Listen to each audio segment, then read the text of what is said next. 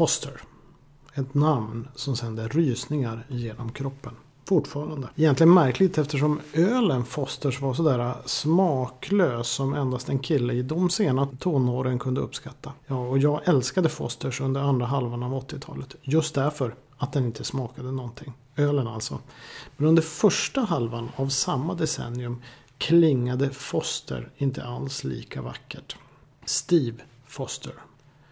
Brighton Hove Albions lagkapten. Han såg ut som en första klassens självförhärligande raggare som begåvats med lockigt hår. Vilket hängde ned över ett ansikte som såg så mycket äldre ut än dess frisyr. Och som visste att han var kung på stan. Ungefär som raggarna hemma hos oss som han var rädd för. Dessutom med det där feta hårbandet. Gigantiskt hårband. Han var den enda som jag kunde komma ihåg som hade ett sånt där hårband. Jag tror att Wimbledons Eric Young hade det senare också, men jag är inte säker. Det här var förstås en mittback. En arrogant mittback. Och han höll mina favoriter såsom West Hams Alvin Martin och Norwich och Evertons Dave Watson utanför landslaget. Och nu är faktiskt Brighton and Hove Albion tillbaka i högsta divisionen och dess gamle lagkapten återuppstår för mig i en skepnad av otäcka minnesbilder.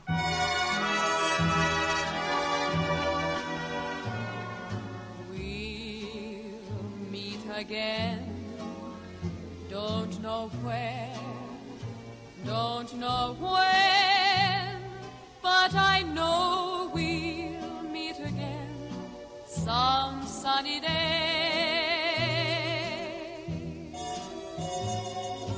Keep smiling through, just like you always do, till the blue skies drive the dark clouds far away. So will you please say hello to the folks that I know? Tell them I won't be long. They'll be happy to know that as you saw me go,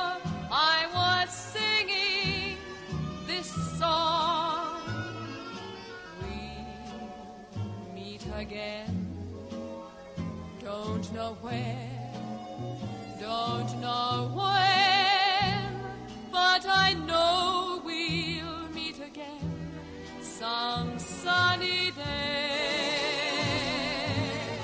Ja, jag kanske överdriver lite.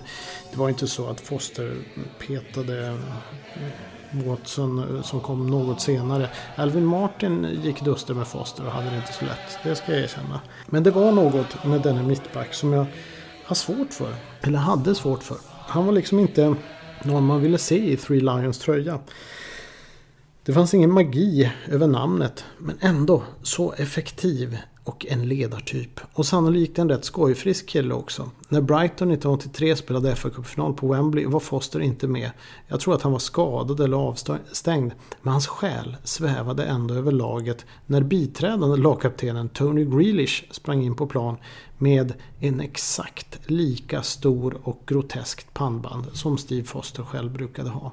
Det var någon form av intern hyllning till honom. När matchen väl började så åkte hårbandet av. Det blev bara tre landskamper för England så han var inte en jättekonkurrent till Martin och Watson. Men han kom med i VM-truppen 1982 på Alvin Martins bekostnad framförallt. Men för många tipsextra-tittare var han symbolen för det Brighton and Hove Albion som under åren 1979 till 1983 gjorde sin hittills enda sejour i högsta serien. Samma år som klubben åkte ur var man också nära en stor pokal, nämligen FA-cupen 1983. Och ack så nära det var. Vid ställningen 2-2, i matchens kanske sista spark får Gordon Smith ett jätteläge. Så bra att kommentatorn utbrister “En Smith must score” men motståndarna Manchester Uniteds målvakt Gary Bailey räddar och omspelet är ett faktum. Yeah, ball played forward to Robinson. Robinson going forward strong.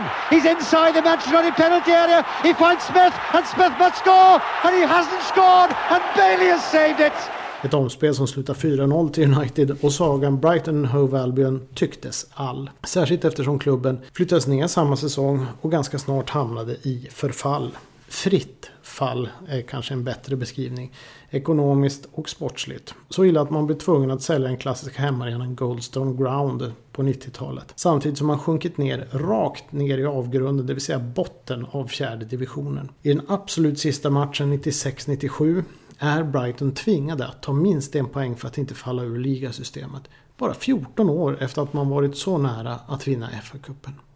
Det blev en tvekamp mot Hereford United just denna sista match. Hereford låg precis under Brighton i tabellen. Olyckligt nog för The Seagulls tog Hereford också ledningen och Brighton var i det läget degraderade ända tills en sen kvittering av en herre vid namn Robbie Reinelt. Albion fans thought they were on their way out. Midway through the second half, Robbie Reinelt equalised, and in complete contrast to the first goal, the visiting 3,500 fans were ecstatic. The club's 77 year status as a Football League outfit was to be extended. Hereford go down. The one-all draw meant Albion was safe. Brighton räddades på det berömda håret medan Hereford fick lämna ligasystemet efter 25 år. För Brighton and Hove Albion syntes dock ljuset och i början av 2000-talet klättrade klubben mycket tack vare mål från en legendar, Bobby Samora. Den store centerforwarden som växte upp i Barking faktiskt, som är en förort i London. Det är lite östra delarna. Där även West Ham Uniteds gigant och store legendar Sir Trevor Brooking växte upp. Trevor Brooking det var han som hade den här magiska förmågan att glida fram på planen. Kanske inte så snabbt men väldigt stilfullt. Engelsk gigant som dessutom växte upp där i Barking genom att spela med en tennisboll och blev tvåfotad. Mycket tack vare att det gällde att få iväg bollen så snabbt som möjligt innan de stora hårda killarna kom och tryckte upp honom mot någon vägg.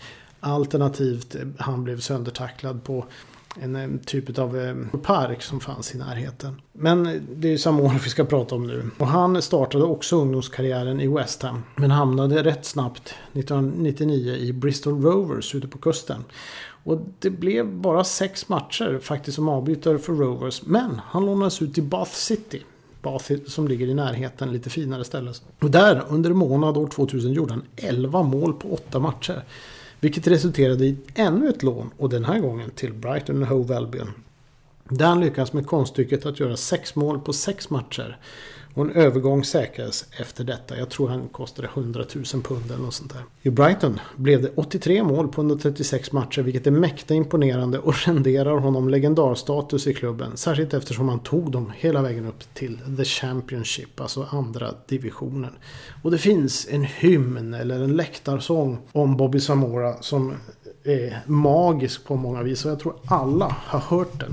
All, I alla fall någon gång. Och nu prasslar jag här med mitt lilla papper. För jag tänkte faktiskt debutera som sångare i den här podden. Och det är ju alltså då Dean Martins That's Amore som Brighton-fansen sjöng. Fast med en annan, mycket vackrare text. When the ball hits the goal it's not cheerer or coal it's amore. Ja, det är vackert. Kanske inte själva sången, men det var en legendar. Och de här har sedan krigat på, det vill säga Brighton och legat i topp i The Championship rätt länge. Tills nu då, då Brighton Hove Albion är åter i allra högsta serien i Premier League. En stor dag för sydkusten. Många av oss kanske har varit på språkresa där, vi som växte upp på 80-talet i alla fall.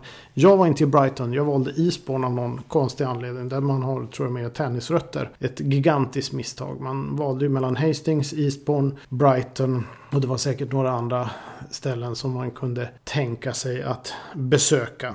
Men men, jag tog fel som vanligt. Men det som också kommer att hända nästa år eller nästa säsong är att de så fruktade M23 Derbys kommer att upptas igen.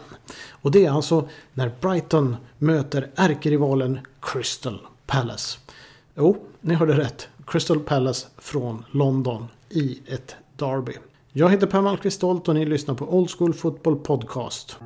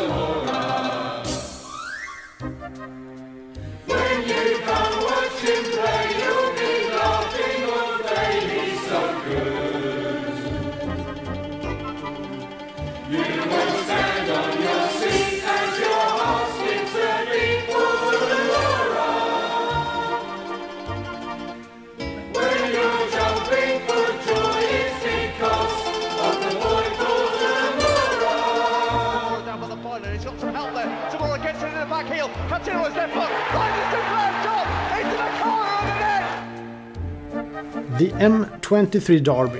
Det är nämligen så att Brighton and Hove Albion, deras närmaste lag är i princip södra London och eh, Crystal Palace. Eh, och, det här är då motorvägen mellan Sussex och södra London. Och rivaliteten började på 40 och 50-talet så det är ganska långt tillbaka. Men den blev som allra starkast i mitten på 70-talet och det byggde väldigt mycket på två rätt profilstarka unga managers som fanns då i båda klubbarna. Eh, faktum var att Brian Clough tränade Brighton under en kort period 1973. Eh, ägaren eh, Mike Bamber lyckades lura över honom efter att han hade sagt upp sig från Derby County som han hade tagit till ligatiteln. Och i det sammanhanget så tog Brian Clough med sig också sin legendariske assistent Peter Taylor. Som har följt Clough genom karriären och faktiskt varit kanske den som har varit en starkt bidragande orsak till att Clough blev så eh, framgångsrik som han var. De var en duo som jobbade tillsammans. Men 73 så lämnade, eller 74 så lämnade, 73-74 så lämnade Clough för eh, Leeds United. Taylor stannade dock kvar. Och Peter Taylor ställdes då öga mot öga eh, mot Crystal Palace. Malcolm Allison. Och Malcolm Allison var också en enormt stor personlighet. Det fanns inte ett rum som han gick in i som där han inte märktes. Han hade alltid en gigantisk cigarr. Han kallades flamboyant och han klädde sig oftast oj, pälsar och stora mössor eh, och så vidare. Var dessutom, eh, vad ska man säga, han var utrustad med ett magiskt självförtroende. Och även Malcolm Allison hade varit assistent. Eh, han var assistent till en viss Joe Mercer. Och de två tog Manchester City till den absoluta toppen i slutet av 60-talet och början av 70-talet. Och blev båda två legendarer. Och det var också i det sammanhanget som Malcolm Allison tyckte att han var bättre och ville på något sätt avsätta Mercer, vilket de gjorde tillsammans med styrelsen. Men sen så gick det dåligt för Allison. Han fick ensamt ansvar för City och han gick vidare till Crystal Palace. Men de här matcherna, det var inte ens i högsta divisionen, jag tror det var i division 3, mellan eh, Peter Taylors Brighton och Malcolm Allisons eh, Crystal Palace var extremt, in, extremt heta. Det var alltså 30 000 personer som kunde titta på de här matcherna. Och eh, sen så har den här ehm, rivaliteten fortsatt och befäst kan man väl säga. Och det är klart, de har ju mötts eh, allt färre gånger på senare år. Men de har 98 möten totalt sett. Det står 37 lika i eh, segrar. Och då inser ni, vi kan ju utgå ifrån att Crystal Palace klarar sig kvar i högsta divisionen. Så att nästa säsong kommer vi alltså få uppleva det hundrade mötet mellan de, båda, klubb, de båda klubbarna. Och vem kommer att ta ledningen i The M23 Derby? Ja, det får vi se nästa säsong. Och det kommer vi se fram emot med spänning.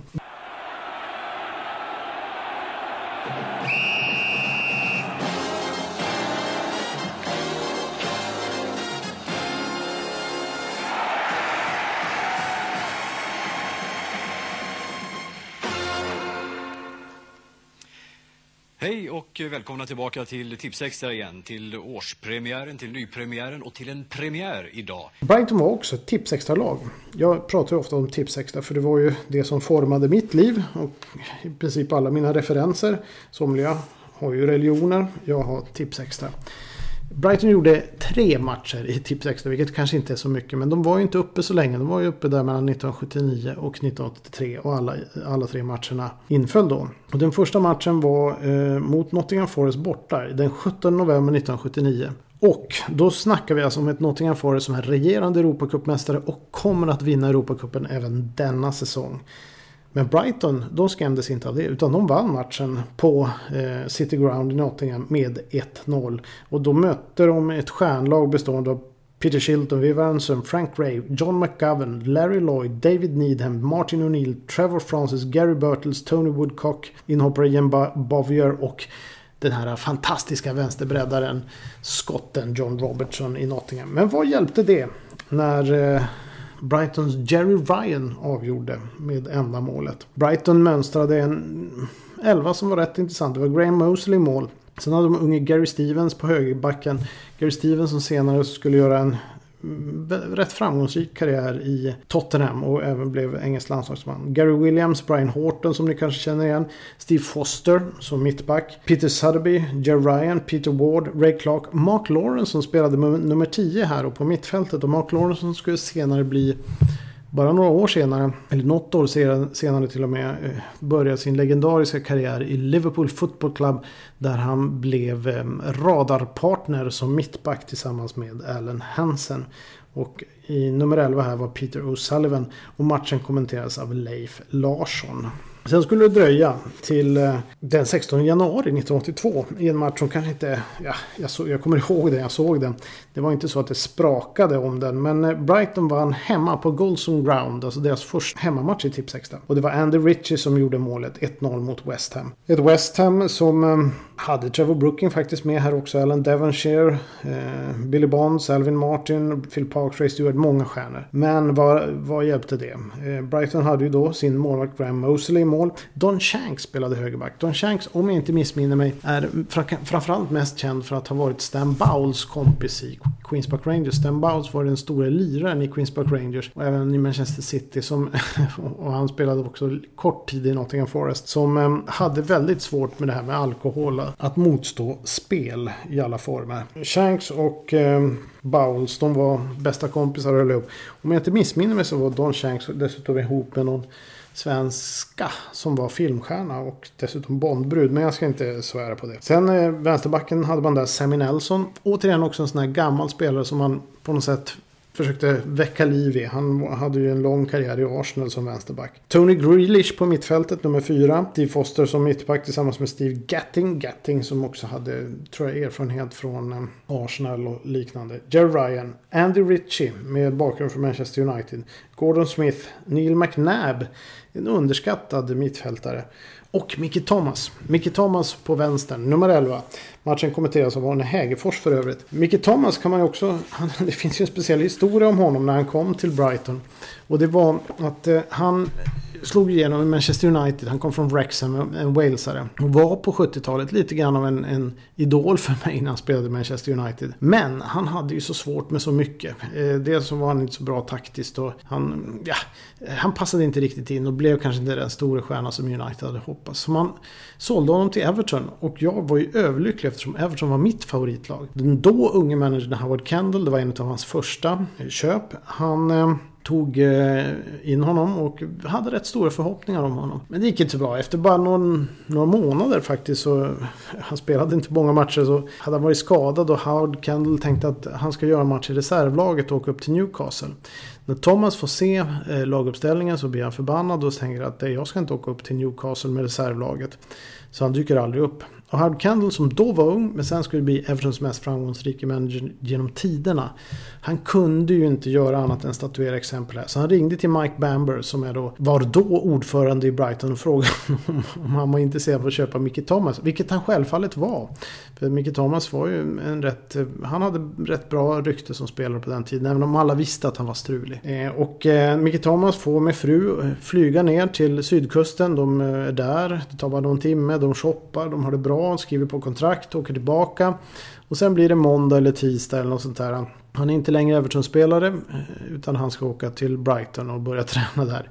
Då upptäcker Micke Thomas att eh, Brighton det ligger ju inte alls eh, så nära Merseyside. Hela hans familj bor ju i Wales och i Merseyside-området uppe i norra delarna. Och eh, det tog ju bara en timme att ta sig dit men det tar ju hur lång tid som helst att åka ner med bilen. Han hade ingen aning om hur långt det var. Och eh, tiden i Brighton blev kanske inte sådär eh, jättelyckad heller för Micke Thomas vars karriär inte blev lyckad överhuvudtaget. Han slutade ju som falskmyntare och har fått sitta i fängelse. Har väl i och för sig då. Det, det är kanske en av de snällare sakerna om honom han har gjort än andra galna saker som vi säkert kommer att återkomma till i den här podden. Den sista matchen, den tredje, FA Cup kvartsfinal, den 12 mars 1983.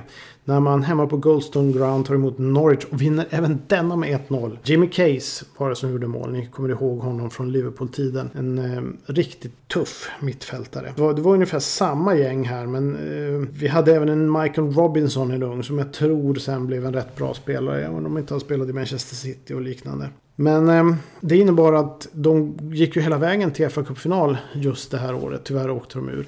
Men Brighton är obesegrade i Tipsextra. Tre matcher, tre 1-0 vinster och helt enkelt överlägsna och obesegrade i Tipsextra. Nu tänkte jag bara avrunda veckans program med eh, att dra igång en liten ny miniföljetong som vi kommer ha. Det finns ju rätt många intressanta ordförande och styrelseledamöter i den engelska fotbollshistoria. Det finns massor.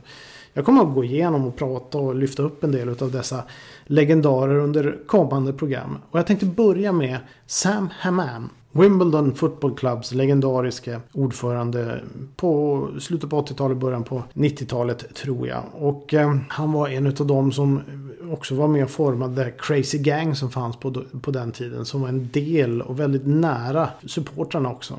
Jag har ju faktiskt en kompis som är med i broder och systerpodden The Editors vid namn Henrik Persson. Så att jag tänker inte prata något mer om Sam Hammam utan jag tänker fråga Henrik Persson, vilket jag också har gjort.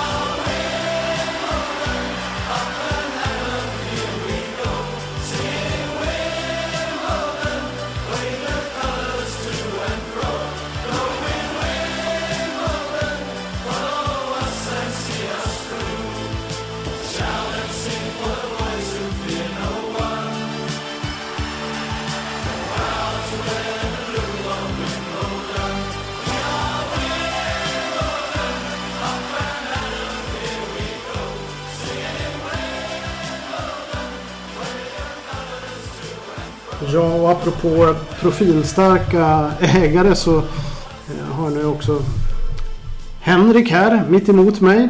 Och, um, han är min kollega i uh, The Editors. Den podcasten, syster eller broderpodcast, jag vet inte vad man säger. Och jag tänkte du kunde berätta lite grann om Sam Haman. Den, den legendariske ägaren i Wimbledon. Ja, det kan man säga, göra. Han, han, det är en man som har blandat både högt med lågt. Mm. Han är väl den mannen mer eller mindre som har alltså, profilerat Wimbledon och plockat fram det här, det, the Crazy Gang-stämpeln. Mm. Eh, han tog ju över klubben eh, tidigt under, eh, eller sent 70-tal, 1977 köpte han sig in i, i klubben. Och han är ju en affärsman med, mm. libanesisk bakgrund så att... Eh, Många tror ju att han flyttade ut till Wimbledon för att han var en stor tennissupporter.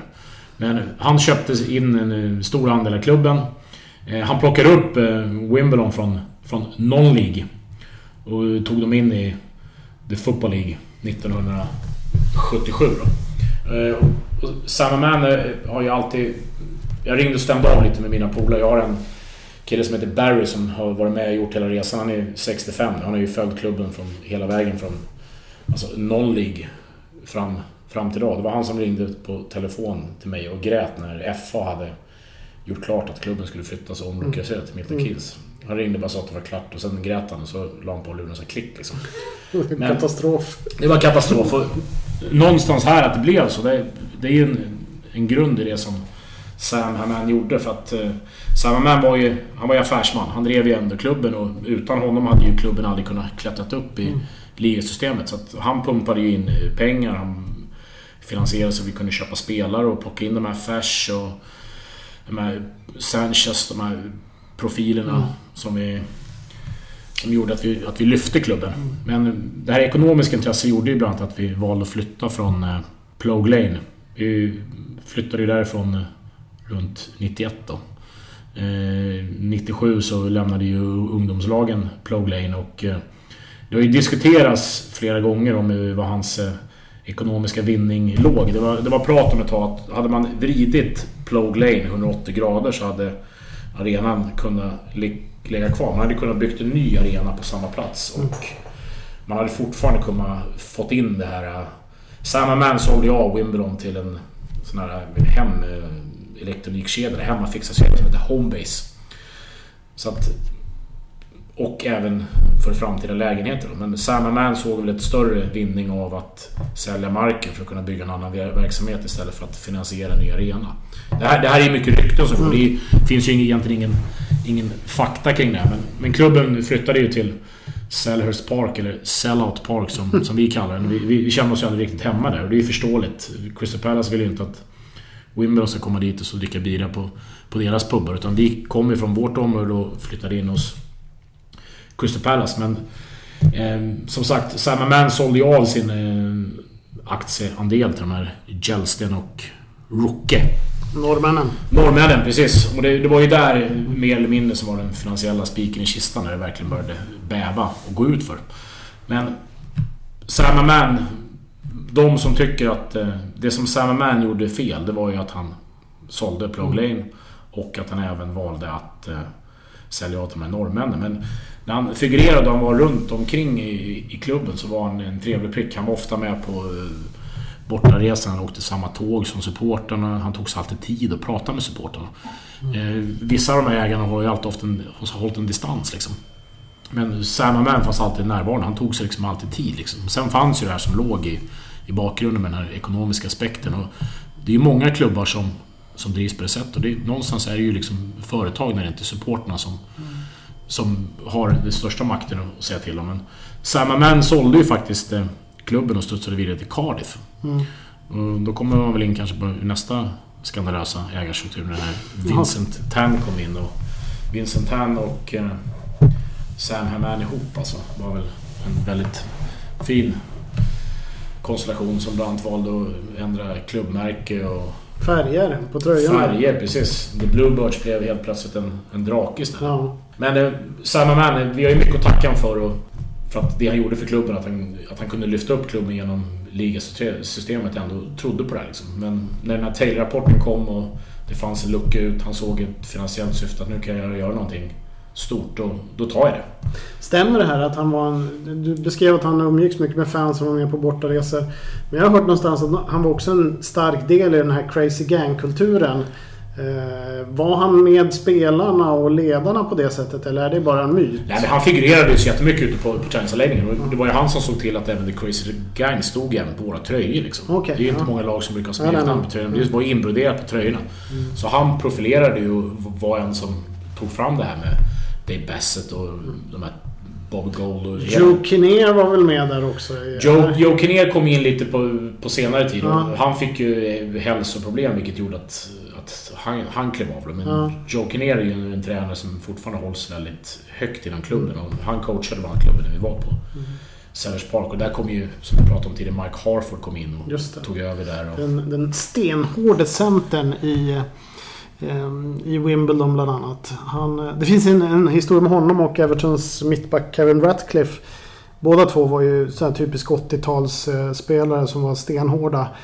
Eh, och mittbackar på den tiden, de, det byggde ju på att de skulle oskadliggöra. De hade ju mycket större mandat då än vad de har nu. Men då berättar Kevin Ratcliffe att just Mick Harford, han fick sig en köra av Ratcliffe i början i matchen. Sen såg han hur Harford gick liksom och, och, och tuggade det där.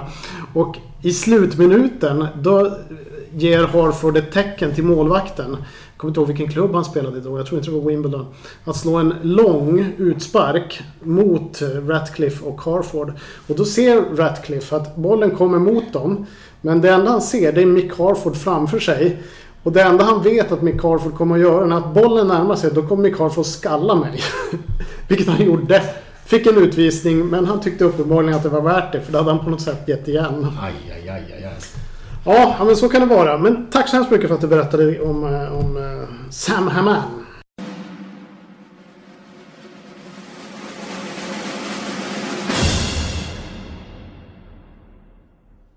Och med det vill jag bara avsluta denna Old School Football Podcast där vi har fokuserat väldigt mycket på sydkustlaget Brighton Hove Albion som fascinerar, tycker jag. Jag tycker att det är väldigt roligt och spännande att de är uppe igen. Vi ska titta lite mer på Newcastle också i nästa podd. Men idag var det Brighton Hove Albions tid. Så nu vill jag bara avsluta. Jag tycker vi höjer vår bägare för Brighton. Och jag tycker att vi säger Old School Football i väntan på lördag. Skål på er!